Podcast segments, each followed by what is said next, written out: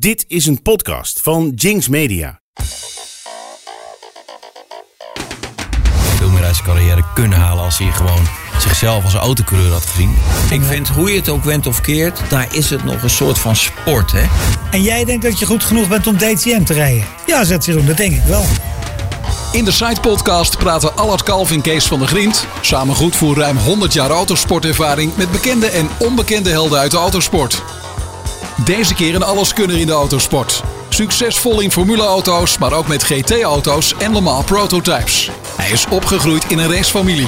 De komende 45 minuten Kees en Allard met Jeroen Blekemolen. Veel plezier met deze aflevering van de Side Podcast.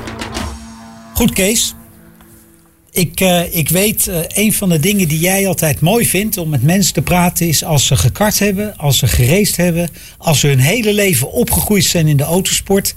Ehm, nou, ja, veel, veel meer kan ik je vandaag niet bieden. Want eh, Jeroen eh, Blekemolen heeft eh en gekart, bijna wereldkampioen bij de junioren geweest, Le Mans gewonnen. Ja, we gaan het er overal over hebben, maar dat moet toch, jouw hart moet daar warm worden. En, dan worden we echt oud. Jij hebt met zijn vader gewerkt. Ja, ik wilde net zeggen, als je Blekemolen heet, dan kom je wel uit een, eh, ja, een racegeslacht. Ja, dat, eh, ik weet nog precies waar ik eh, zijn vader voor het eerst ontmoette. Dat wil je niet geloven, dat was in de kantine van Telstar in IJmuiden. in zijn laatste, de laatste wedstrijd die hij eh, op de kart reed met een schakel, een Boltaco. En dat was een wedstrijd. En daar had hij net, dus daar deed hij aan mee. En daar heeft hij aangekondigd dat hij Formule V ging rijden. Dus ja, dat gaat wel een hele tijd terug. En, dan, ja, en ik denk dat hij ook de, de familielegende, of in ieder geval eh, goed voortgezet heeft hè, met, met de resultaten. Nee, absoluut. En, en om heel even over, over, eh, over die oude, zoals we hem eh, intern noemen, door te gaan.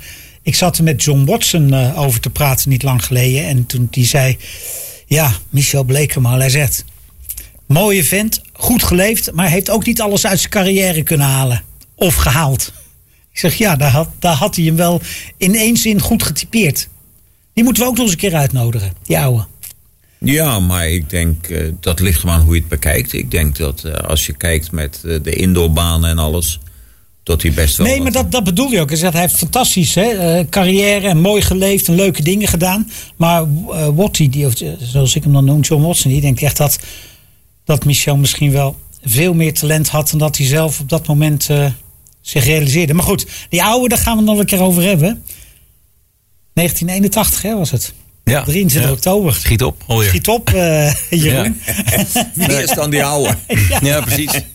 Nee, maar het Die is wel kleine wordt ook oud. We kwamen inderdaad, eh, wij kwamen, ik kwam toevallig eh, met mijn vader ook John Watson tegen op Goodwood. Dat was heel leuk en eh, even gesproken. Maar het is wel waar. Ik heb dat ook altijd zo gezien. Hij had veel meer uit zijn carrière kunnen halen als hij gewoon zichzelf als autocoureur had gezien. En niet als ook ondernemer. En ja, hij wil altijd honderd dingen tegelijk doen. Dus, eh, ja, Wat dat betreft lijkt hij ook wel weer op Twan Heesemans. eh, zeker weten, ja. Ja. Waar we het net voor, voor de podcast even over hadden. Goed, het, eh, het, het fijne is, eh, Kees en ik zijn opgegroeid in de Formule Ford. Allebei in Engeland geweest, allebei daar begonnen. Ehm, daarvoor heeft Kees gekart, ik niet. Maar nou kan ik me van Jeroense karten het aller, allereerste begin nog, zeggen, nog herinneren dat, dat zijn vader en zijn broer op een ogenblik zeiden: ga maar gewoon terug naar school, want dit wordt hem niet. Nee. nee. Mijn, broer Sebastian had veel talent met karten. Die was altijd wel, die reed eh, al meteen met een 100 cc toen hij vijf was. Eh, belachelijk eigenlijk, want het ging natuurlijk zo verschrikkelijk hard. En die reed iedereen voorbij. Dus dat was, eh, iedereen stond ernaar te kijken. Nou, op een gegeven moment mocht ik ook een beetje meedoen. Maar ja, ik was nog helemaal niet ermee bezig. Dus dat is bij mij echt pas later gekomen. Maar ja, goed, op een gegeven moment in één keer ging bij mij, was bij mij ook het kwartje gevallen, zeg maar. Toen werd het wel, ja, toen was ik gewoon aan. Toen wilde ik maar één ding. Dan was gewoon autocoureur worden. Dus dan, en dat begint natuurlijk gewoon bij karten. Ja, en dan, en dan uiteindelijk reed je bij, eh, volgens mij met, eh, met een hazenkart bij Michel Blanke. En dan word je vierde op het WK junioren. Dat is toen niet verkeerd, Kees, of wel? Vierde worden met een hazenkart op het WK junioren. Nou, ik weet niet of die hazenkart eh, eh, dat- Titan Power hadden we. of, of dat invloed had. Ik bedoel, als je nou, ik vierde weet wordt, toevallig dat, ik weet toevallig als je dat vierde wordt reed. en dan, eh, dan zie je ook de winnaar van die race. Die heeft het eh, redelijk ver geschopt, hè? Ja, Alonso. werd Alonso. Ja. En ik herinner me ook nog dat eh ene Ryan Briscoe daar eh, echt dominant was. Ja. Nou ja, goed, eh, daar kan je ook van zeggen, daar is niet alles van geworden. Maar die heeft het toch ook ver geschopt. Dus als je in dat grote veld vierde wordt, ja, dan zeg ik altijd maar, dan kan je er wat van. Ja, dat, maar dat, dat mooi dat Kees dat weet ook. Zeker, ja. ja, nee, ja het was wel heel mooi. Ik, ik race eigenlijk eh, niet zoveel internationaal. En deze jongens die, reden, die gingen al de hele wereld over. Hè. Die deden mee in, eh, in Japan en in, eh, die gingen overal naartoe.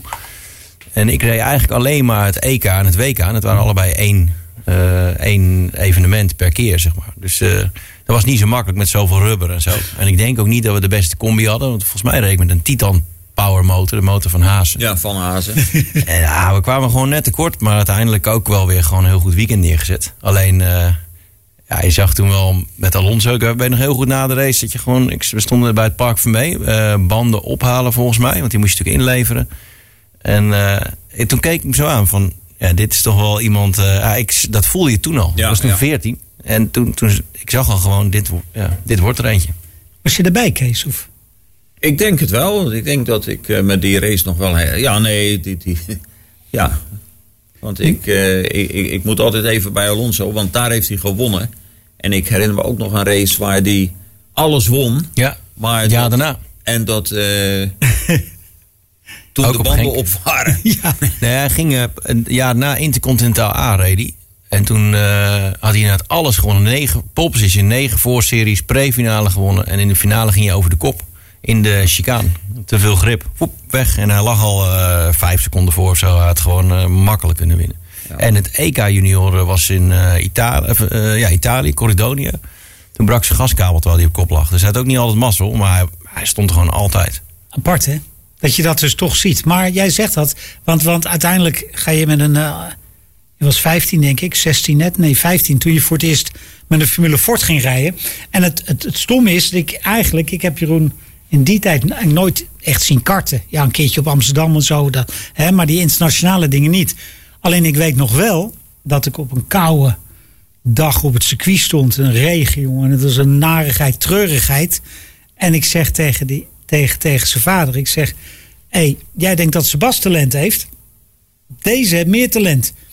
Dat zie je helemaal verkeerd, riep je nog. Ja, in het begin was er wel strijd. Hè. Dat was natuurlijk eh, ook logisch. eh, broers die natuurlijk een beetje tegen elkaar opboksen. Maar eh, het was, ja, Sebastian was vanaf echt kleins af aan al eh, vol ermee bezig. Qua, eh, die en snel en eh, deed gewoon goed. Altijd vooraan. Dus mijn vader was wel echt met hem bezig en wat minder met mij. Maar Ja. dat is achteraf misschien wel beter geweest. Want daardoor ga je zelf wat meer eh, ondernemen. En, eh, en, en zelf, eh, nou ja, daar zijn wij uiteindelijk eh, heel actief in bezig gegaan. Maar dan doe je het ook zelf. En dat is eigenlijk denk ik beter achteraf. Formule Ford is mooi, hè? Ja, Formule Ford Even nog was dat fantastisch. kaartje terug, want ik vind hij, hij, hij had één, even tussen de regels een goede opmerking. Hij reed in Nederland en dan, dat was inderdaad zo. En dan had je de EK en de WK. Dat waren eigenlijk de enige evenementen die eh, naar het buitenland gingen. Andere jongens, hè, die, die deden dan die hele serie, vooral als ze voor een Italiaanse fabriek reden. Maar ik denk nog steeds dat dat de mooiste tijd was. Dat het ook zo hoorde. Dat je als Nederlander ook in Nederland aan het Nederlands kampioenschap meedeed.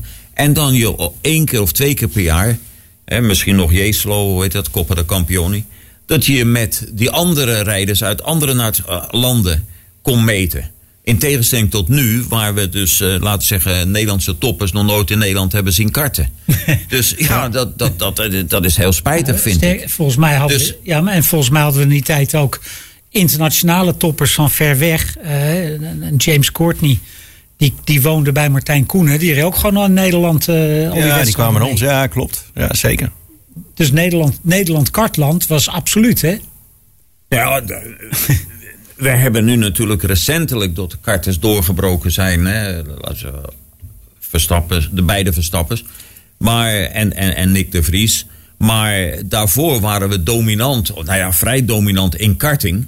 Alleen die volgende stap Nou ja, was er dan eh, nauwelijks. Ja, bovendien in de tijd dat Jeroen kartte had je, hè, die reed bij, bij Michel Blanke Tuning. En dan had je Michel van Seerka, had je, ja, Martijn Koenen, Peter de Bruin. Er gingen gewoon echt wereldtoppers qua, qua teams en, en, en, en, eh, en Nou ja, tuning goed, we van hebben het daar motoren. vorige keer over gehad. eh Rijkonen, Bottas zijn niet voor niks naar Nederland gekomen. Ja. Ja, het niveau was hoog. En dan ook Ja. als je dan één keer internationaal meedeed, dan stond je niet voor schut blijkbaar. Want In Nederland reden, daar deden er veel minder mee, maar wel veel goede ook. Ja. Veel goede teams, veel goed materiaal. Dus Absoluut. het was, eh, ja, was een mooie tijd, dat sowieso.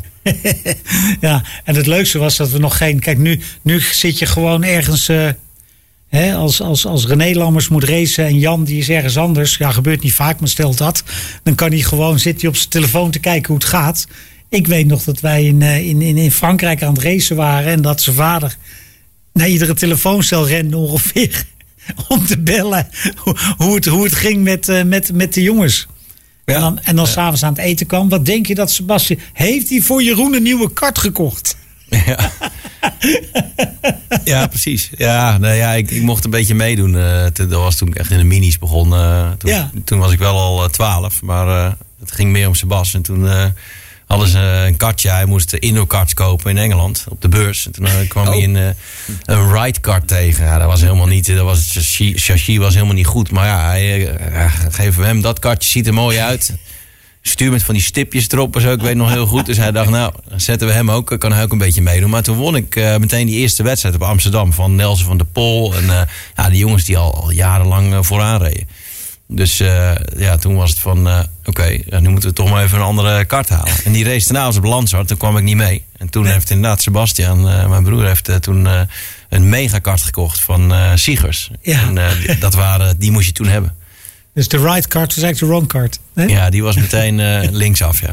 Nee, de mega was voor de minis. eh, Niet normaal, ja. Dat was een sensatie. Ja. Ja, ja dat was echt. eh, Ja, die moest je hebben. Ja. Eh, en anders dan deed je gewoon niet mee. En, Ja. en ik reed dus echt op de verkeerde. Maar toen eh, kreeg ik meteen wel zo'n kart. Dus toen, eh, nou ja, toen konden we echt meedoen. Nou goed, en dan maken we toch even de, de, de, de stap naar Formule Ford. Want als je dan in Nederland wil racen, dan was het ook wel handig als je bij eh Gert Valkenburg ging rijden. Ja, zeker. Eh, dat was die natuurlijk, tijd. eh, hè? Ja, dat was natuurlijk het, het Ford Junior team noemden we dat. Hè. Eh, hij had al wat, wat sponsoring vanuit zichzelf. eh, en vanuit het deed daar al mee. Ehm, en ja, we hebben natuurlijk heel veel historie. Mijn broer Sebastian heeft er ook gereden. Nou, ja, jullie hebben allemaal eh, met hem gereden. Mijn vader heeft met hem gereden. Dus het was een logische stap. Eh was ook het beste team eh, in de Formule Ford. En ja, en we zijn gewoon vrienden, zeg maar. Dus dat maakte alles wel makkelijker. Ja, en toen werd je kampioen. Ja, ja, dat was wel mooi. Ik had geen idee natuurlijk wat, wat je. Ja, een race is toch wel heel anders dan karten. Geen idee wat, eh, wat me te wachten Ja maar, stond. toch, ja, maar toch, dat zeg je. En toch, hè, want dat, dat, dat weet ik echt nog. Dat jij de, ik, in de regen, jij testte, samen met eh, Patrick Koel. Ja, En dat was je teamgenoot. ja. En die had al, die had al ervaring. En, die al was, een jaar gereden. Ja. en ik zeg tegen, ik zeg jongens, ga nou maar op. Want Jeroen rijdt gewoon zoveel harder. Ja, dat zal. Maar ja, dat was wel.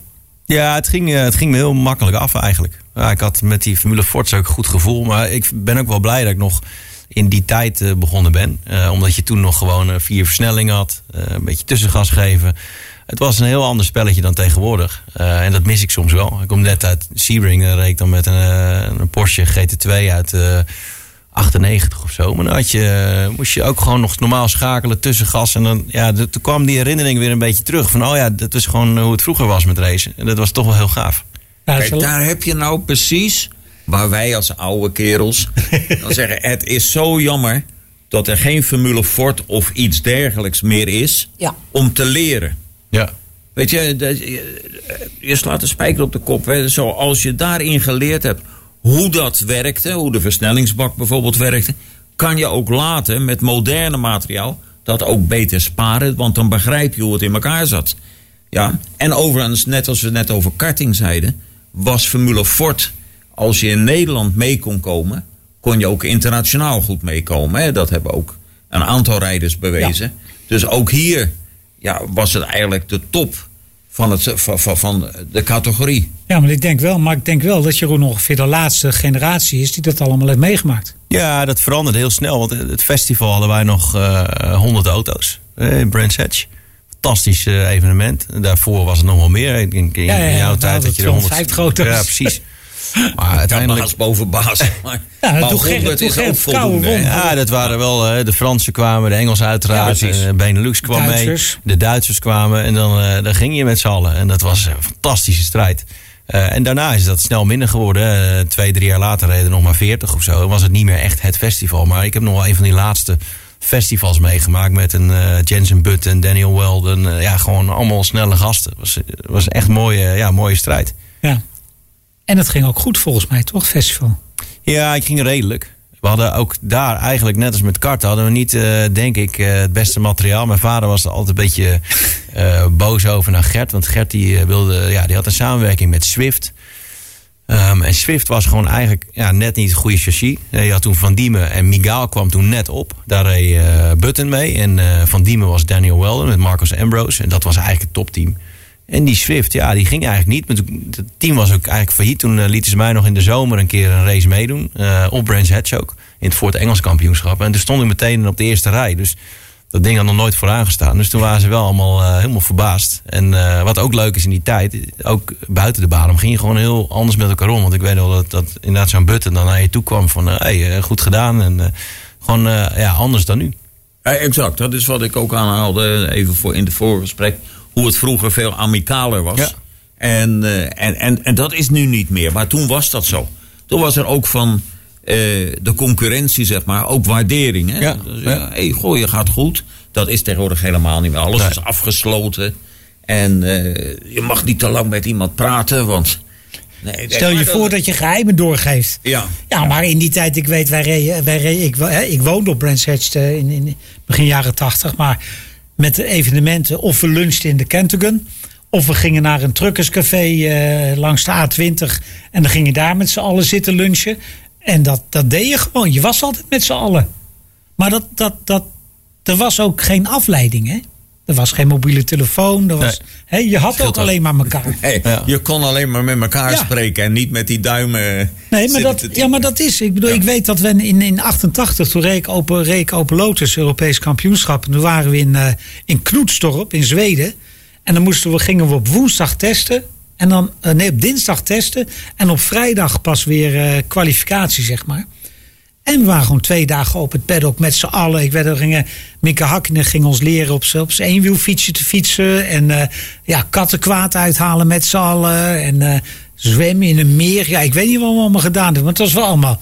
Dat deed je samen, want er was niks anders. Nee, precies. Ja, dat is, ik ben natuurlijk ook opgegroeid, ook op het circuit met mijn vader. En daar was jij vaak bij. En ja, dat was gewoon altijd gekkigheid. Ja. Eh, dan moet ik wel zeggen dat jij altijd en, gekkigheid, altijd gekkigheid was ook dat ze. Ik, reed, ik race voor zijn vader. Maar Jeroen reed naar de wedstrijden.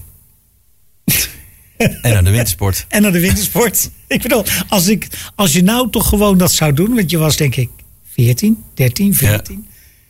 Jeroen, haal jij de auto even. Ja. En gelukkig was hij ook niet zo, niet zo, niet zo klein. Ja. Dus Ja, ik kwam Als je altijd dat maar nou- net boven het stuur uit. Ja. ja, maar als je dat nou toch vertelt aan mensen. Ja. Nou, ook een andere tijd. Maar daarom hebben we ook daarmee gewoon een mooie tijd gehad. Het, alles, het werd net wat moderner. Eh, We kregen inderdaad net de mobiele telefoontjes. Maar we hadden nog niet al die social media onzin en zo. Dus het begon eh, allemaal wat makkelijker te worden. Maar we waren nog wel gewoon qua jongens met z'n allen. En dat was... eh, Precies, en niet over mopperen, koesteren die tijd. Ja, nee, zeker Ja, koesterij. Luister, ik bedoel, hij, ging, hij, ging in, eh, na, na, hij werd kampioen en toen ging hij Formule Palmer rijden. Ging die? Formule Palmer Audi rijden in Engeland. En toen, maar ja, hoe moet je daar dan heen? Ging hij met zijn opa, moest hij dan naar Engeland. Want die, die, iemand moest de auto rijden, want hij was, net, net, hij was nog 16. Dus, maar ja, dan reed ze de boot af. Want opa links rijden vond hij wel eng. Rij jij maar. Ja, moest je door de douane heen. Maar ja, ik, ik was, eh, ja, was ik net 17. ja, geen rijbewijs, niks. Ik reed gewoon eh, langs, die, eh, langs die mensen van... Eh, opsteken. goeie- goedemiddag. Dus ja, zo ging dat, ja. Ja, en, en daarom is het ook wel mooi, want je hebt toch ook wel iets, van- iets van de Engelse, Engelse inslag meegekregen toen.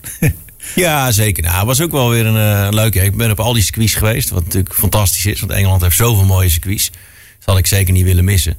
Ehm, ja, het doet me altijd een beetje aan Amerika denken ook. Gewoon de ouderwetse circuits waar het echt... eh, ja, eh, je moet er echt voor gaan. Het, is- het gaat niet vanzelf daar, zeg maar. Ik vind hoe je het ook went of keert, ook vandaag de dag nog, in Engeland, maar ook in Amerika, daar is het nog een soort van sport. Hè?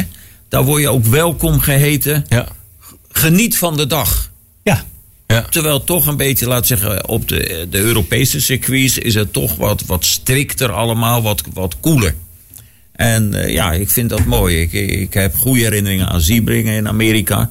Dan, eh, geniet van de dag. Ja. Maar ook de circuits in Engeland, Oldham Park, Castle Combe, noem maar op. Heel dat. om mezelf Snetterton. Ja, Ja, ook, Snetterton. eh, Truxton natuurlijk niet normaal zo snel. Eh, hij heeft zoveel mooie circuits daar.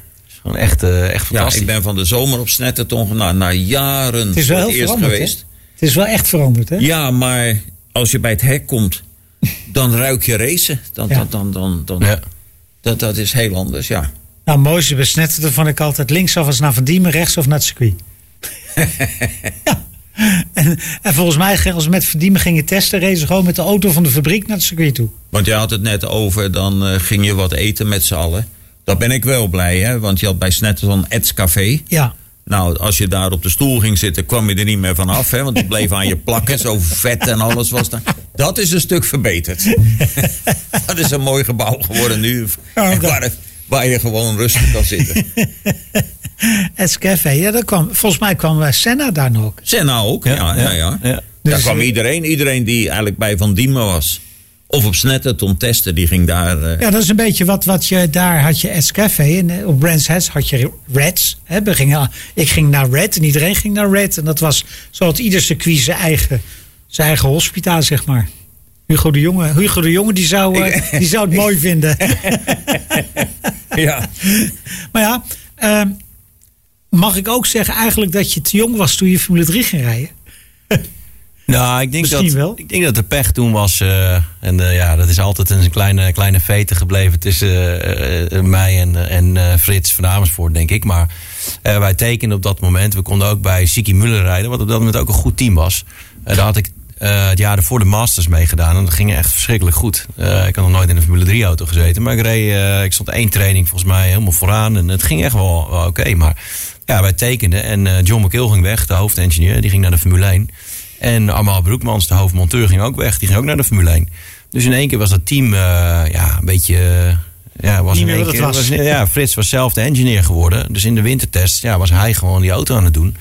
En natuurlijk, hij, is, hij heeft echt bewezen wat hij kan. Dus ik zal ook nooit verder ja, iets aan af willen doen. Maar dat jaar hadden ze het gewoon ook niet voor elkaar. En dat heeft mij wel genekt. En als het, als het niet loopt, dan, dan ga je natuurlijk dingen proberen die je helemaal niet wil proberen. Dan ga je nog beter je best doen, wat helemaal geen zin heeft. Dus dat jaar ging, ja, we begonnen met de pole position. Ik wou net Zolder. zeggen, volgens mij Pantano stond twee, hè? Ja, Pantano tweede. Ook Ja, geen en, eh, pannenkoek, hè? maar in de wedstrijd, het was in de regen. Ik was in de regen daar snel en in, op droog ging het niet zo goed. Dus uiteindelijk eh, werd ik volgens mij vierde in die wedstrijd van Polen. Eigenlijk ook slecht, want Zolder moet je gewoon niet ingehaald worden. Dus ik, ik was misschien ook te jong. Maar ja, aan de andere kant, als alles had geklopt. Weet je, toen had je Bertram Schever, dat was eigenlijk het topteam eh, op dat moment. Eh Lotterer was volgens mij toen eh, de man, de man to beat. En die overigens ook meedeed in Genk met het kart WK. Die, die duwde ik er nog af de eerste bocht, volgens mij. maar, maar ja, dat was misschien te vroeg. Maar ik denk ook dat de omstandigheden echt niet goed waren. En ik voelde me niet, eh, ik voelde me niet thuis. En ik denk dat dat ook. eh, ik weet nog wel, ik had wel een paar sponsors zo die belangrijk waren. Want Formule 3 in die tijd was ook al duur. En, en volgens mij deed Marlboro een eh, aardige duit in het zakje. Marlboro en wat nog twee, drie partners. En ik, ik had nog wel eens contact. Toen had je dus al net een mobiele telefoon. En, dus ik, ik eh, belde of appte wel eens. Of, of ja, app, appen niet. Maar eh, tekste nog wel eens naar de sponsors of zo. En dat vond Frits ook niks. Die telefoon moet weg. Ik ja, maar ja, die mensen betalen wel eh, de rekening. Dus het was een beetje... Ik liep een beetje op mijn tenen ook daar. En, en nogmaals, ik wil niks aan zijn team afdoen. Want hij heeft gewoon bewezen wat hij kan. Alleen dat jaar hadden we het gewoon niet voor elkaar. Dus zo zie je dat je, Kees, dat je, dat je, je moet ook lekker in vel zitten. Dat wordt nu al onderschat, hè? Dat Ja, maar het is heel belangrijk. Of je je thuis voelt, hè, of, Ja. of ja, die warmte. Dat is, dat is heel belangrijk. Ja, ik denk dat mensen dat onderschatten. Eh, hoe, je, hoe je naar het circuit rijdt, hoe je je voelt, hoe je met de mensen omgaat. Want dat, eh, nou ja, ik, ik heb heel veel gereisd in Amerika voor eh, Riley. Dat is gewoon echt familie. Dan, eh, ja, dan, dan kom je al naar het circuit toe van, ja, weet je, ik ben gewoon degene die ze moeten gaan verslaan. Niet, niet iemand anders. Dat, eh, je voelt je al sterker gewoon, omdat je Nee, gewoon maar, thuis dat, voelt. maar dat klopt, hè, want, want het moet ook die wisselwerking zijn. Hè? Dus eh, nou ja, of je dat nou familie noemt of warmte of wat dan ook. Maar dat het team ook vertrouwen heeft in die rijder, rijder andersom. En dan doe je allemaal een stapje meer. ja. Dat, dat is heel duidelijk. Ja. En wat ik dan wel leuk vind, dat is dat je gewoon. Hè, je bent in wezen op weg richting, eh, ja, op weg richting eh, misschien wel Formule 1. Hè. Dat, dat heb je toch ooit eens in je hoofd bedacht. En dan denk je, nou, dat wordt hem niet. En dan eindig je in een Clio en dan rij je met een voorwiel aan het drijven. Iets compleet anders. En in die tijd, hè, en we komen zo wel even op Hezemans ook nog wel even te praten. Maar, maar in die tijd maakt het ook niet uit waar je heen stapt. Hè? Nee, dat was Dat wel maakt- leuk. Want ik, dat was ik- echt niet normaal. Ik reed met allemaal, met inderdaad van, van een Viper met 600 plus pk. eh, omdat die ook een beetje legaal was misschien. Maar, eh, en, nee, niet eh, en misschien. een- Er was een Heeseman zo. ja, nee, precies. En, en, eh, en een Clio. oh, oh, oh, oh, dat zijn aannames, hè? Oh ja. Nee, maar ja, ik stapte in alles en nog wat. Maar dat was ook wel mijn kracht. Ik, ik pakte ook toen alles aan. Ik wilde gewoon racen. Eh, het maakte mij niet uit waarmee. Als het een mooie competitie was, ik deed mee. En die Clio's ook, daar deden er 72 mee of zo. Nou, kom maar op. Weet je, de beste van Nederland reden. Dus dat vond ik leuk om te doen. En eh, dat, dat is eigenlijk eh, ja, nog steeds wel een beetje zo. Als er iets het mooiste race is, dan, eh, dan doe ik mee. Maar daar gaat het er ook om, Kees. Ja, daar gaat het om. Maar ik wil even een stapje terug, want jij eh, vind ik wel interessant.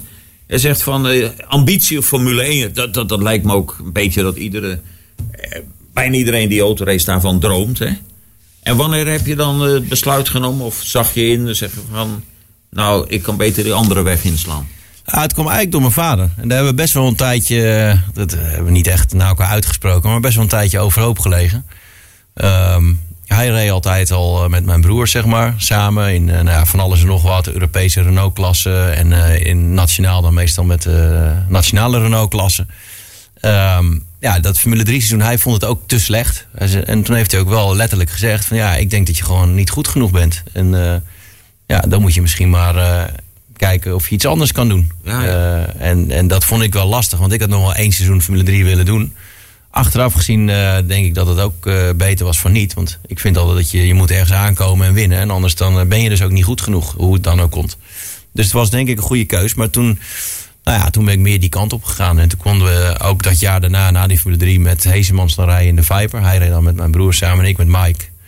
En dat was een mooie stap, want ik ging, ja, dat lag me ook meteen. Ik weet nog, de eerste test op Zandvoort, eh, de baan was besneeuwd. Wij met eh, autobanden achter de auto's.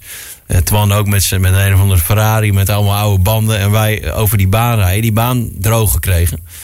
En toen reed ik meteen, ik weet nog wel, 1 minuut 6 of zo, was een korte baan. En of 1 minuut 5, 8 of zo. En dat was meteen eigenlijk hetzelfde als Mike. Of, of nou een tiende sneller of langzaam was, dat weet ik niet precies. Maar in ieder geval, ik reed meteen wat je moest rijden.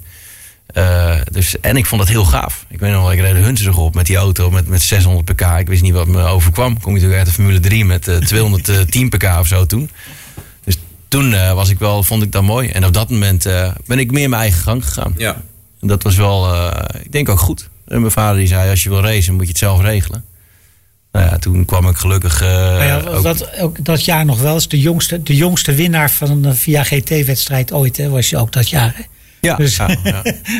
Samen met Mike. Maar dat ik bedoel, dus, dus het ging ook gewoon goed. Hè? Ja, we waren super snel. helaas in het we- kampioenschap mij. Ja, we hadden Spa moeten winnen. We lagen op kop met twee uur te gaan. Toen ging de Dynamo, eh, de snaar liep eraf. Dus dat was doodzonde.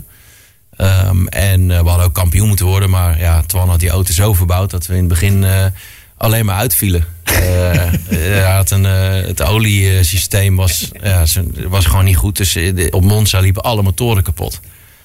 Eh, dus die hebben we niet eens gereden, Monza. Hadden geen motoren meer. Dus ja, één of twee races is natuurlijk niet finishen. Is uh, funest voor, Ja. voor het kampioenschap. Ja. En toen natuurlijk wel legendarisch. Toen gingen we, nee, dan ging je eerst nog, eh, toen ging je rijden bij Renault. Want je ging rijden bij eh, dat Nederlands Tourwagenkampioenschap. Want er was niks te rijden. Nee, toen, hadden En we, toen- had ik weinig te rijden. Ja, en toen hadden we een race. Dat, daar kom ik in beeld, hè. Hadden we een race op, eh eh op eh, Nürburgring. En, en, en je vader, je, als je wil racen, regel het maar. Nou, dus eh, nou, dat gaan we dan regelen. Dus toen kwam ik eh, Max Welty tegen op de Nürburgring. Die organiseerde, die had die VA Star eh, serie.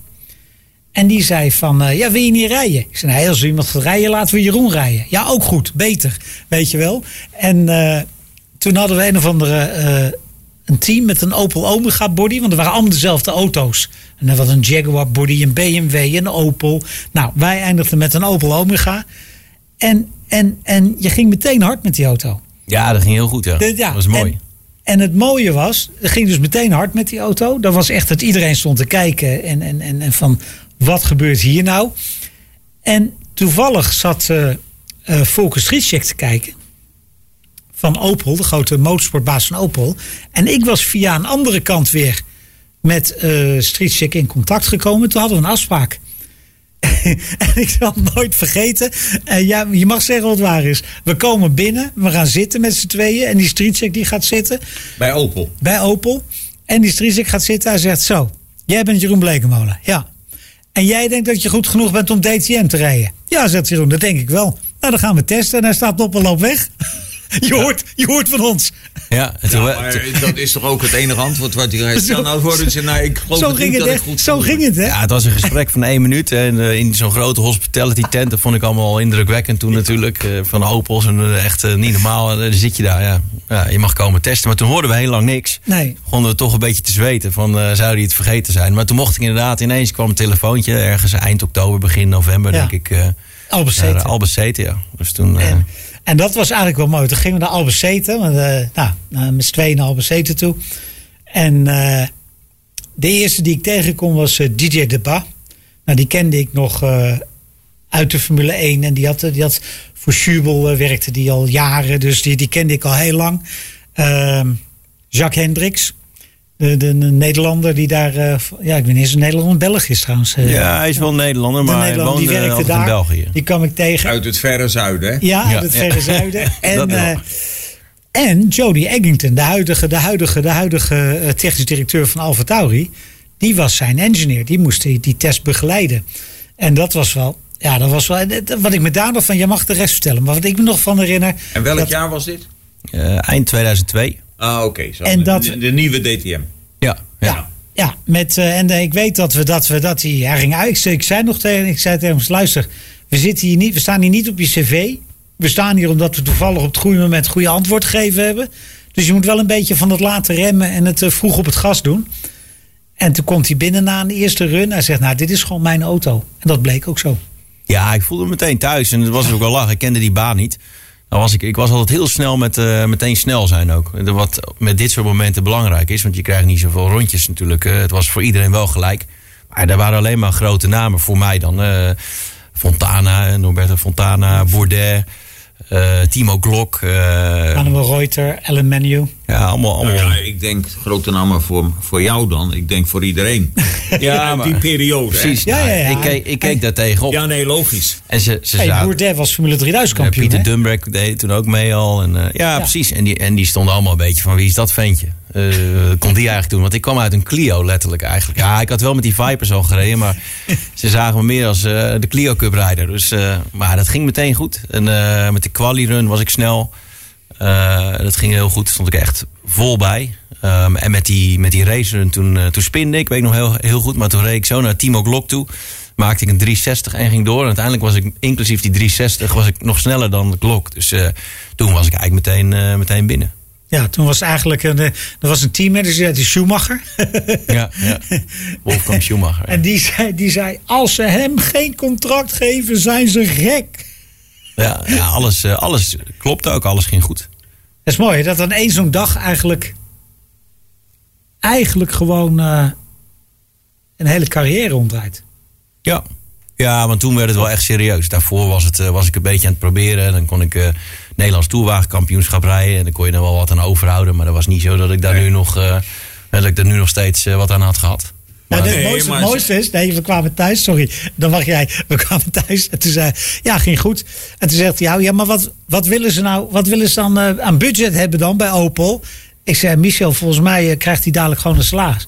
Nou, hoezo gaan ze hem betalen? Ja, nou ja, ze hebben toch ook gevraagd wie kwam testen. Ik bedoel, ze, ze, dat werkt daar zo.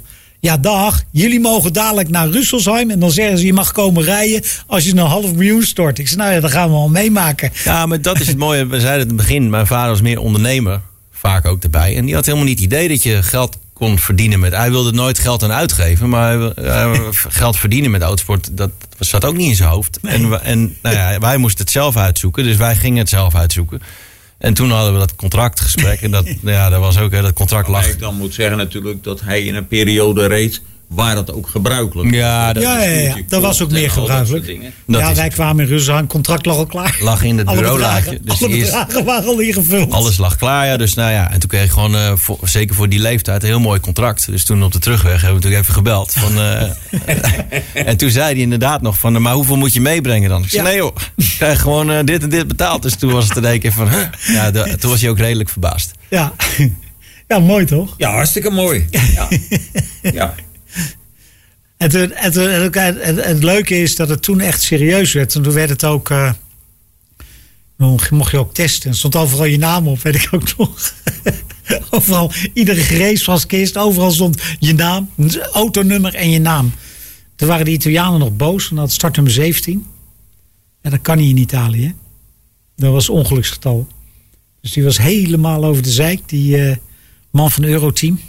Ja, ja. Serezina. Serezina. Ja, dat ja. zou ik ook niet eens eh, meer weten. Ja, dat startnummer 17 was hij. Dat, dat kon niet.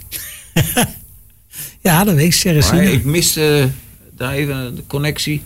Cerezina, wat deed hij dan? Ja, die was de teambaas. Bij Opel? Nou, ze hadden drie teams. eh Holzer, eh, Phoenix en, eh, en Euroteam. Dus eh Euroteam. Euroteam, ja. Ja. ja. Ja. want ik ken ze. Daar reed Stefan Modena. Ja, ja. Ja, dat Die is in Formule 3 nog. Ja en die, is, die heeft ook DTM gereden nog. eh, Zo, met daar de ken nieuwe. ik hem van. Ja, Maar Die was niet meer goed genoeg. Dus die hebben ze nog één of twee jaar DTM laten rijden buiten Euroteam. En die is er toen eh, werd hij eruit gezet. Ja. ja. En heel veel van die jongens zijn uiteindelijk naar, eh, want het werd op een gegeven moment opgegeven. Die zijn uiteindelijk naar Minardi gegaan. En nu dus eh Alfa Tauri. Ja, ja. Er zitten jongens zitten nog bij Alfa Tauri. Ja. Dus eh, Ja, dat- die zaten toen bij Euroteam. Ja, dat is die Serezina, Kees. Ja. ja, ik zag die connectie niet helemaal. eh, Oké. Ja, mooi. Ja, en dan eh, Phoenix, wel, hoe heette die? Ernst Moser. Ernst Ja, die is Moser. net eh, retired, zeg maar. Die is net gestopt. Oh ja? Sinds nu net, eh, afgelopen jaar. Maar ook een mooi event. Heb ik nog, eh, ja, we reden toen ook Nürburgring. 24 uur mocht ik meedoen. Ehm, en eh, ik heb nog later, twee, drie, drie jaar geleden of zo, Nürburgring bij Phoenix gereden. Dus dat Oké. is wel mooi. Ja, want die was eh, in mijn tijd, eh, toen wij met Bridgestone samenwerkten met Mercedes, was hij de engineer van Courteam bij, bij AMG. En toen Courteam naar Zakspeed ging, is hij meegegaan naar Zakspeed. En toen is hij En vanzelf- daaruit Ja. is dan eh, met, met de teammanager daar, hoe heette die? Tot die werkte ook heel lang voor. eh, Ja, die, die heeft heel lang voor Zakspeed gewerkt. ja, heel lang voor Ja. Zakspeed. Hoe heette die man nou? Ja. de- Dirk Tijman. Ja, ja, Tijman. Ja, precies. Ja, ja, heel goed. Ja, Ja. ja. Heel goed. We gaan door voor de bonus. Ja. Heel goed, ja. Ja, Dirk Tijman, Ja. die, die Ja, komt bij Zakspeed van. Had ik ook veel mee te maken, ja. Ja, Dat klopt, ja. leuk hè Kees, kleine wereld hè? Ja, dat is een kleine Maar wereld. ja. Ja, zo, en zo steek ik nog weer eens wat op. ja, ja, dat was wel toch wel apart. Want dat was, was eh, maar, eh, ook een beetje het vijfde wiel aan de wagen bij Opel. En, eh, en toen, eh, toen hield dat op. Dat was wel helemaal, ja, begin met een K, zullen we zeggen. Ja, ja zeker. En toen gingen we er uiteindelijk in salaris op vooruit. Maar ja, toen gingen we Harry Maassen racen met de BRL.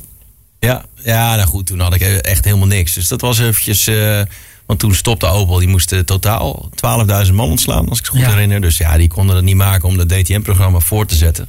Dus ze gingen één jaar nog wat kleiner door, vier auto's. Ja, toen lag ik eruit. En een Ja, heel Euroteam werd gewoon... eh, hele team werd gewoon opgedoekt. Ja. Dus dat was jammer. En toen eh, in één keer eh eh, reek eh, BRL, zeg maar. Eh, dus, Oh, een klein verschil. ja, maar- nou, dan, dan, als je dan, want ik weet nog wel, de eerste testdag, toen mocht ik rijden in die auto. Ja, kom anders naar Zandvoort, kun je even rijden. Dus daar stond die auto van mij. Er stond verder helemaal niks. Er stond een eh, kennetje benzine bij. Dus ik ging van DTM met eh 20, 25 monteur. Stond ik nu zelf mijn auto even vol te tanken. En ging maar een paar rondjes rijden. Was de, op de schoonmoederdag noemden ze dat. Dus je, je mocht mensen meenemen ook. Tussen al het verkeer door. Maar goed, eh, toen won ik echt elke wedstrijd volgens mij. Op één Ja. of twee nadat ik uitviel. Dus toen was ik wel weer snel eh, op pad. Snel eruit. Maar dat was wel even een dieptepuntje. Ja. Oh ja, ja, ja en nee. Want het was ook, wel- het was ook wel gewoon. eh, uiteindelijk is het ook iets wat je, wat je fit gehouden heeft. Wat je race, je bleef racen, verdiende geld. Ja, en scherp gehouden. Je was gewoon, eh, ik kwam naar het circuit om te winnen, niet om eh, tweede te worden. Dus je, je, was, je stond helemaal aan om, om alles goed te doen.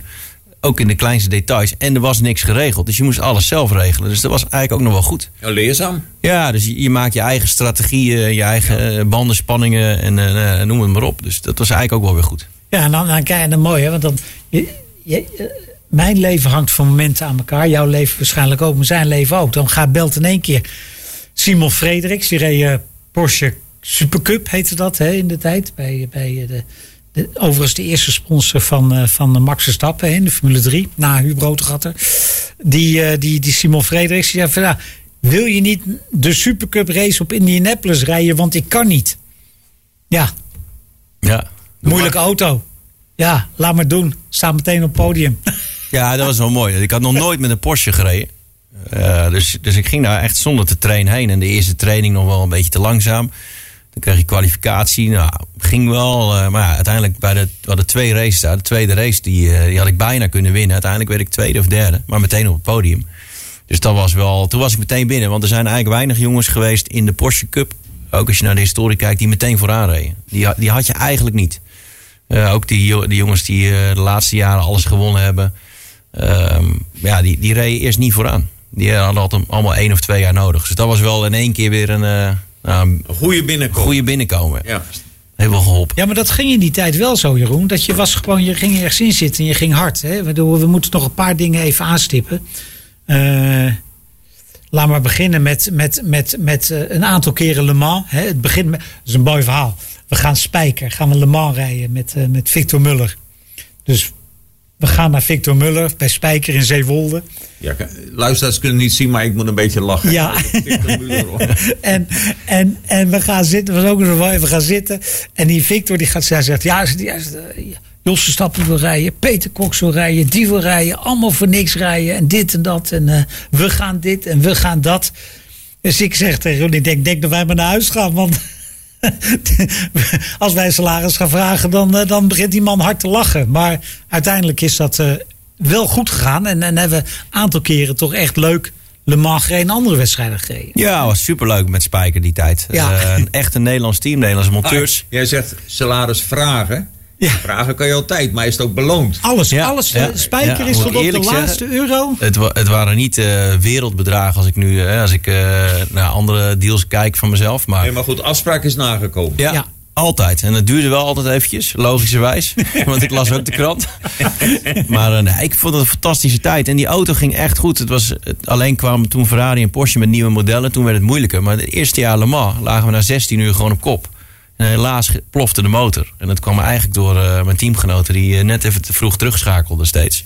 Anders hadden we gewoon gewonnen. Had je gewoon Le Mans gewonnen met de spijker. Ja. Ja, ja gelukkig, gelukkig won je Le Mans met Verstappen en Merkstein. Ja, was ook mooi. Het was, eh, ja, was gewoon een perfecte auto, perfect team. Ook, eh, ook echt, eh, dat voelde ook als een familie. Eh, Het team van eh, Frans Verschuur, waar ik eigenlijk dus al met de Clio'tjes in de Tourwagenkampioenschap mee reed. Veel van dezelfde monteurs. En eh, ja, was gewoon, eh, was gewoon ook leuk. Ook met Jos. Heel veel lol gehad. En met name heel veel lol gehad. Ja, maar Jos was daar ook een hele teamplayer. Hè, die was echt dat jaar ook bezig om gewoon Le Mans te winnen met z'n allen.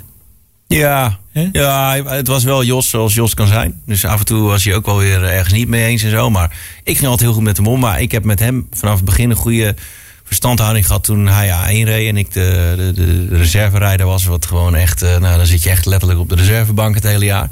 En twee of drie keer mocht ik rijden. En eh, dan ging ik gewoon meteen hard. En dat vond hij mooi. Eh, we hadden- toen Albers en Doornbos die net opkwamen. Daar zag je helemaal niks in. En die waren alleen maar met reclamebureaus bezig. En ik moet gouden raceschoenen hebben en een, eh, bepaalde helm en weet ik het wat. Allemaal al met marketingdingen. En hij zag mij, ik kwam aan met mijn rugtasje. En eh, ik ging gewoon zitten. En dan reed ik weer nog die eerste test op Silverstone. reed ik eigenlijk meteen één of twee tien harder dan hij. Dat vond hij gewoon gaaf. En eh, sindsdien hebben we Nee, maar zo eh, zijn die ook. Ja, maar dat was, ja, ja. Ik bedoel, nee, zo zijn die. Maar, maar dat is toch de essentie. Het is toch niet de essentie welke kleur je schoenen hebben. Het is de Nee, maar- essentie wie het hardste gaat. ja, En het, ja. leukste, het leukste van die test was dat eerst belt Jan mij op. Eh, want ik had, ik had Jan ongeveer eh, de oren van zijn kop Jan geluld. zal Jan Lammers Jan. Lammers. Ik had Jan gewoon de oren van zijn kop geluld dat hij Jeroen Ja, die auto moest. Ik zei, je bent, hè, dus Jan, om van mij af te zijn, had die jongen maar eens nou vooruit dan maar. Dan ben ik niet van de gezeik van die kalf af. Dus eh, en vervolgens gaat hij dus rijden. En dat gaat meteen goed. Dus Jan belt mij op. Hij zegt, ja, dan moeten we het niet meteen in de krant zetten dat Jeroen zo hard gaat. En ik zeg, ja, maar hoezo Jeroen zo hard gaat dan? Ja, maar die gaat keihard. Ik zeg, maar wat is daar raar aan dan? Weet je wel, ik de, dus Jan was helemaal in de war, eigenlijk. En, en vervolgens, ik leg telefoon neer. Gaat telefoon. Huub aan de telefoon. Hoi, die Verstappen die moet gas geven, want die Jeroen die staat even klaar. Daar is lachen zeg, hé. Ja, dat Dus- moet ik ook zeggen van Huub, inderdaad. Die vond het ook echt mooi. De- ik ben, ja, Huub was er vaak bij. Ik heb echt met Huub mooie tijden gehad. En die, die vond dat ook gewoon gaaf. Om dezelfde reden. Die zei ook, kom je weer aan met je rugtasje, met je spulletjes erin, je paspoortje. De hele wereld rond en een beetje autoracen. Maar eh, de essentie is inderdaad gas geven. Nou ja, goed, is even een zijsprong. Maar ik denk ook hè, dat niet voor niks eh Huub, Jos en Max zo ver gekomen zijn. Omdat ze alleen maar daarnaar keken. Het gaat om hard rijden. En wie Ja. het snelste is, die komt het verste. Ja. En niet degene met... eh, De gouden schoenen. precies. Ja, maar dat is hè. Maar dat was toch wel een mooie tijd. Ja, dat was voor mij ook genieten. Want ik, eh, ik bedoel, ik keek ook gewoon naar Jos Verstappen, die Formule 1-coureur was. En daar keek je ook tegenop op een bepaalde manier. Dus ik vond dat heel mooi dat ik al naast hem mocht zitten, rijden. Ja, ik reed dan niet zoveel. Maar als ik reed, dan dat je dan je kan meten aan zo iemand. En dat je meteen meedoet. En denk je, oh ja, ja eh, je krijgt er zelf ook vertrouwen van. Dus dat was wel eh, ja, Ja, dat ik vind tijd. prachtig wat hij vertelt. Want ik bedoel, zelfs nu heb ik dat nog. Dat als je iemand ontmoet. Weet je, waren- en dan denk je, god, Mickey, dat was toch een held. Wij hebben in dezezelfde uitzending Gijs gehad. Ja. Ja, daar, ik bedoel, eh, ik hoef dat eigenlijk niet. Maar ik kijk daar nog tegenop. Hè, dat, dat, die man heeft ook zoveel gepresteerd. Ja. Ik zei laatst tegen iemand overigens. Dat ik zeg, het was de mooiste toen we Gijs hier hadden. Ik zeg, ik heb Kees nog nooit gewoon 20 minuten ademloos eh, naar iemand eh, zien zitten luisteren. Nee, helemaal, jij was echt helemaal van, dit is gaaf. Ja, maar ik kan dat zo goed voorstellen wat hij Ja. ook zegt, weet je. En, en ik weet nog vroeger als Hezemans, hè, dat was dan een begrip. En dan kwam hij, toen ik bij Landia werkte, kwam hij de zaak in. De grote Hezemans. Nou, daar keek je tegenop, hè. En dan was je blij dat je wat mocht zeggen. Ja. Dat, eh, ja, dus ik kan dat zo goed voorstellen. Ja, en het is leuk wat. We hebben wel een echt een mooi clubje eh, in Nederland ook. Want ik kwam toevallig Gijs laatst tegen. eh, gingen we naar hetzelfde evenement. Zaten we in hetzelfde vliegtuig naar Laguna Seca. En dan is het ook gewoon super gezellig. En, Ja. dan, en, en ik heb dan hetzelfde. Ik weet ook allemaal wat hij, wat hij gepresteerd heeft. Dus ik kijk ook in, in een zekere zin ook heel erg tegen hem op. En dan dat gewoon mooi dat je met Ja, zo'n vent... prachtig. Ja, dat is... eh, Dat, dat, dat, is, dat, is, dat, dat is prachtig. En als je dan zelf ook nog Le Mans wint. Hè, dan, dan, dan, ja, voor mij is Le Mans overwinning het mooiste wat er is. Ik, bedoel, ik, ik heb met eh, genoegen Formule 1 overwinningen meegemaakt. Maar eh, de derde plek op... ik heb niet gereden hè, of voor de luisteraar, maar gewerkt. Maar die derde plek, ja, die koester ik hè, meer dan, laten we zeggen, Formule 1 overwinning. Le Mans is zo fantastisch. Ja. En dat is zo'n inspanning. Dat is, dat is echt... Met hun, toen zei helemaal, want dat was zo mooi. Toen moesten ze als eerste het podium op. Er zat nog helemaal niemand op het podium staan. En zij moest als, want ze hadden de, wat was het, de Michelin Cup? Michelin Green X Challenge hadden Ja. we gewonnen. Dus dat was een soort van... eh, de- op, op de zuinigste manier hadden we de race gedaan. Ja, je met, had eh, kortste, de kortste pitstop. de Kortste, Ja, precies. De kortste tijd in de pits doorgebracht. Van allemaal. En die, die hadden zij gewonnen. En dat was schijnbaar de belangrijkste prijs die ze uit gingen reiken. Dus Nou ja, Dr. Ulrich en Tom Christensen en co. die moesten allemaal nog even wachten. Want wij mochten het podium op. Dus, en we stonden naast ze op het podium. eh, ja, Ja. zeg maar op plek 4. toen we de beker kregen. Dus dat was, eh, ja, dat was eh, gaaf. ja. Hoewel, ik, ik vind het wel jammer dat je maar één keer gewonnen hebt hoor. Ja, 1,5 hè? Ja, van mij heb je hem twee keer gewonnen. Ja. Alleen kan het op Wikipedia niet vinden. Nee, nou, maar voor ons telt hij wel. Dus eh, ze zijn een keer Ja, gedisqualificeerd. iemand heeft ook gezegd dat stelt allemaal niet zoveel voor, hè, wat in de Wikipedia Nee, daarom daarom zeg ik. Ja. nee, maar dat was. Ik bedoel, met die Ford, hè, de, de, de, de GT-AM-klasse winnen. En dan op zo'n zo'n futiliteit. Ja, ik vind, hè, regels zijn regels, maar het was wel sneu. Ja, die was sneu. Het was zo'n mooie race. Dus die, eh, eigenlijk, eh, die race was, ben ik trotser op dan eh, de race die we in 2008 wonnen met Jos en Peter. Want dat was, toen waren we gewoon heel dominant. Toen hadden we helemaal geen competitie. Maar in die GT-klasse was het eh, volle bak. En eh, ik reed met drie kwartier te gaan, eh reed drie seconden. Eh, met drie seconden voorsprong de baan op, op eh, Jurk Bergmeister in een Porsche. Dus ja, dat was gewoon een sprintrace naar de finish. Ja. En, eh, ja, Na mooie, 24 uur. na 24 uur. En Toen reed ik mijn snelste tijden van de wedstrijd. Terwijl het al best wel warm was en zo. Maar dan ga je zo, ja, zo aan. dat, dat was, je krijgt gewoon een soort kippenvel kreeg je in de auto. Van oké, nu gaat het gebeuren. En, en toen gebeurde het ook. Maar ja, Ja. die werd wel afgepakt. Dat was weet je, eigenlijk het mooiste moment van die wedstrijd, Kees. Want ja, ik, heb, ik heb er. Het is, ik heb best wel veel van die dingen meegemaakt waar hij het over heeft. Maar is dat eh, op een ogenblik ze rijden al een uurtje of 15 met een kapotte voorbumper. En ineens komt er iemand van de ACO binnen die zegt dat die bumper moet vervangen worden. Want wat wel mee. eh, het was zoveel jaar na Porsche's eerste overwinning op Le Mans. Hè? Dus, dus ze wilden ook graag dat Porsche. Porsche lag tweede. Hè? Dus, dus, eh, dus ze, als, Vertel mij wat over de hè? politiek in Juist, dus, dus zij moesten ineens. Want ik ja, denk het was echt na dat je- 22 uur. Ja. Dus we reden, en het is in het eerste uur was hij ook kapot. Oké, dus na 21 uur moeten ze dat ding dus om naar eh, Alge. Dat ding. Vervolgens denken ze, nou, had- dat duurt wel even. Dus we zullen ze eventjes eh, eh, een oor aan naaien. komt het fabrieksteam van Ganassi, die naast het team van, van, van Riley staat. Ja, wat moeten jullie hebben dan? Ja, we moeten. Oh, maar dat doen wij, dat doen wij in 20 seconden. Let op. Dus die komen winnen, tanken. En ja, die verliezen 20 seconden ongeveer. En die rijden de baan weer op. Rijdt Ben de baan op met net een heel klein beetje wielspin. Ja, weer een drive-through penalty. Ja, ja, en toen was de voorsprong weg. Ja. Ja, toen was de voorsprong weg. Dus ze hebben er ook nog. Hè, en toen wonnen ze uiteindelijk die wedstrijd. Alsnog. Hè, en die Bergmeister die zegt nog van. Ja, jullie hebben gewoon die race gewonnen. Het was gewoon klaar, weet je wel. En dan, en dan, en dan uiteindelijk, omdat de benzinetank. Wat was het? Eh, 0,4 liter te veel inhoud. Had. Die er niet in ging, overigens. Maar dat is weer een ander verhaal. Ehm, word je afgekeurd. Ja, dat is wel. En het, is, het mag niet. Alleen het is wel sneu. Maar in Le Mans heb je, over Le Mans heb je heel veel boeken met de glorie, hè, met overwinningen en hoe het gegaan is. Maar je kan ook een heel dik boek schrijven over hoe de organisatie geprobeerd heeft de race te beïnvloeden qua resultaten. Dat, dat is al zo oud als, als de race is. Zo hadden ze de weg naar Rome. Ja, ja, ja, ja ik wou zeggen, de, de weg naar Mulzan. Ja. Maar dat is, dat is altijd daar. Maar het blijft wel een uniek evenement. Maar het is, ik vind de mooiste race. Ja, ik ook. Eigenlijk wel. Ik ook. Dat Absoluut. Is echt, eh, ja, Ja. toch? Ja. echt geweldig. En je hebt veel 24 uur races gewonnen, maar dit is wel de mooiste.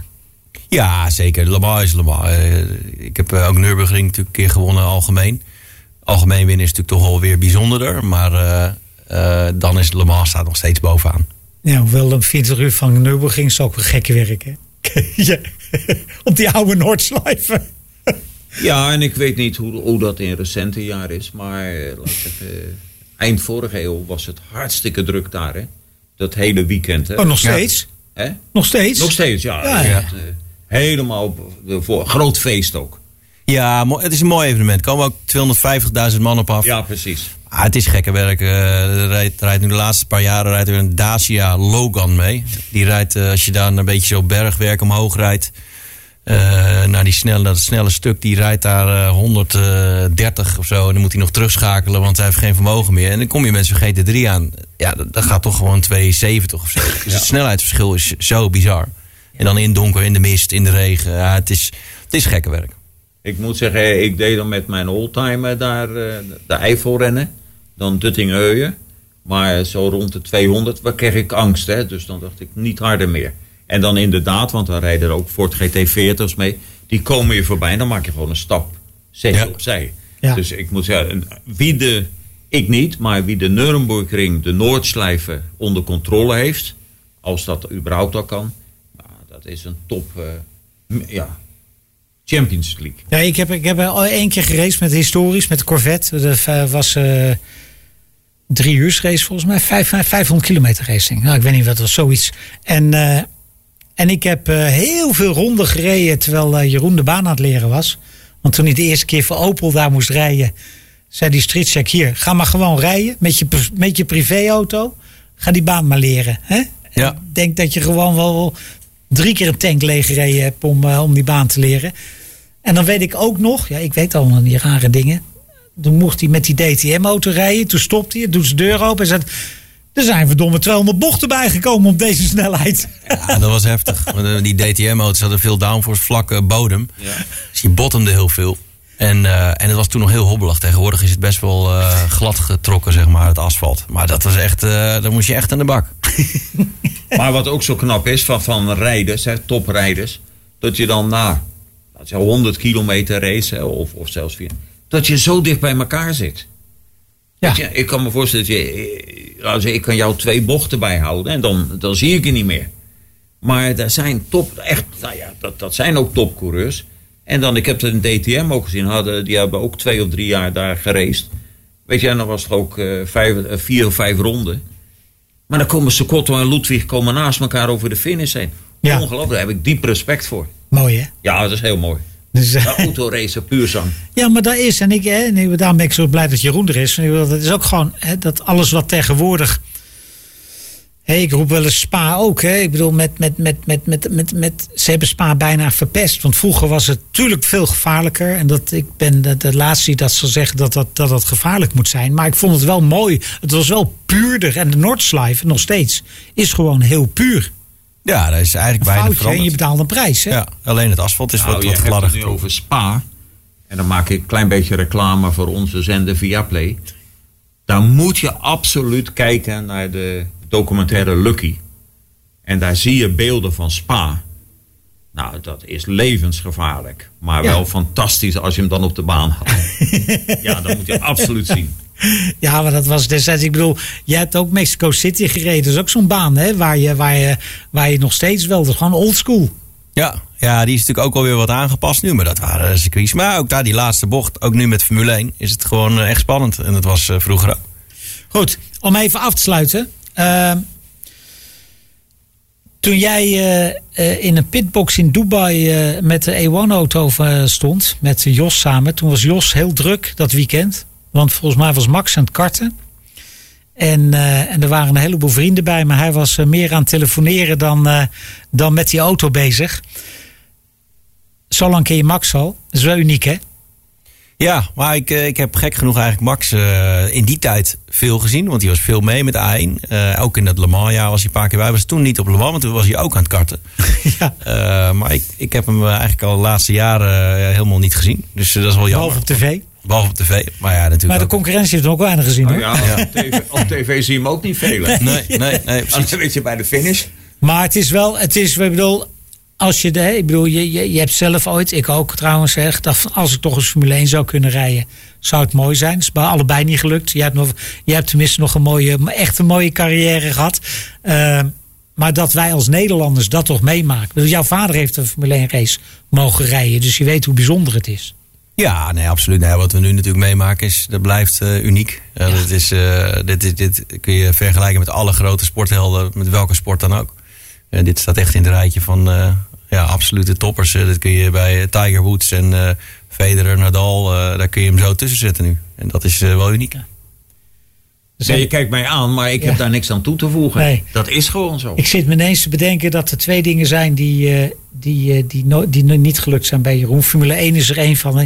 En ik zit me ineens te denken, wij gingen vroeger gingen we nog wel eens skiën. En op een ogenblik weet ik niet meer of we in de skilift zaten of dat we aan het skiën. Ja, ik denk dat we in de skilift waren. Toen zei hij, als ik nou Formule 1 gereden heb, dan moeten we daarna nog een keer de Indy 500 rijden. Nou, die twee dingen zijn niet gelukt. eh. Nee, maar dan moet ik eerlijk zeggen, in die 500 trekt me ook niet meer zo hoor. Want dat is toch wel, ook wel echt gevaarlijk. Weet je, de, degene Was die toen crash, ook, hoor. Was toen ook. hè. Ja, maar dan ben je nog wat jonger en dan ben je nog wat onbezonnener. Maar nu, eh, Volgens mij was je 13 toen je dat zei ongeveer. ja, ja. Ja, Nou, nee, ik, eh, dat deed je ook gekke dingen met de bromfiets. Tenminste, als je 16 was. Of jij misschien jonger. Ja, ja. ja, maar dan denk je nergens bij na. Maar zodra je gaat denken, dan, eh, dan denk ik ook, dan moet je niet naar Indy gaan. nee. En dan eh, moet je zeggen, nee. Kijk, er zit altijd bij autoracen gevaar in, maar dat zit ook bij op straat lopen. Maar bij Indy denk ik dat je het toch wel een beetje opzoekt. Ja, absoluut ja. Om af te sluiten, is er nog iets wat je wilt doen? Wat staat er op je bucketlist, eh, Jeroen Blekemolen? Ja, ik wil gewoon nog steeds eh, kunnen genieten van autosport. En eh, ja, wat dat is, eh, lastig te zeggen. Het lijkt me wel gaaf om bijvoorbeeld een keer Dakar te doen. Ehm, dat is een van die dingen. Ik heb nog nooit op Macau gereisd. Dat is eigenlijk het enige circuit wat ik kan bedenken waarvan ik zeg, ja, weet je, dat is gewoon echt nog een gebrek op mijn cv. Dus daar zou ik graag een keer rijden. Dat, maar dat is het dan ook eigenlijk. Ik heb alles een beetje gedaan wat ik wilde doen. Nu bijna 80 eh 24 uur races gereden inmiddels. Dus ja, ik mag niet klagen. Iets vergeten, Kees? Ik denk het niet. Ik denk van een prachtig gesprek. Ja, ja. ja heel mooi. En eh, we hebben hier nu iemand eh, in de studio gehad met een geweldige carrière. En dan misschien wat minder eh, aansprekend dan Formule 1. Maar voor, qua autosportliefhebber, fantastische man. Ja, maar ik bedoel, ik, hè, we denken, omdat je aan Max Verstappen denkt, denk je aan Formule 1. Maar er is nog zoveel meer moois. En misschien wel mooier, want waarom, is, waarom vinden wij nu Formule 1 mooi? Omdat Max Verstappen wint. Maar als je, hè, er zijn, ik roep het uit, er zijn in de Formule 1 veel meer mensen die nog nooit op het podium gestaan hebben en nog nooit een race gewonnen hebben, dan mensen die wedstrijden winnen. Dus wat dat betreft is een carrière die Jeroen had, is natuurlijk gewoon- gewoon echt kun je trots op terugkijken. En vooruitkijken ook nog een beetje hoor. Ja, gaan we ook doen. Zeker. Goed jongens, dank jullie wel. En eh, binnenkort meer eh side podcast. Bedankt voor het luisteren. Top. Ja, dat was erg leuk. Ik eh, heb genoten. Ja, vond dat... eh, Frans zeggen dat hij hem af kan zetten. Ja, zo maken we dat hè? ja, heel leuk. Nee, echt. Ik, ik, ik kan me dat ook zo voorstellen. Hoe je vader dat benaderd heeft. En, eh, Ja. ja, en, dan, die, wa- die was best wel hard op een gegeven moment hoor. en dan toch doorzetten. Ja. En eh, ja, die had op een gegeven moment wel een beetje zo van nou, eh er wordt niks. Dus eh,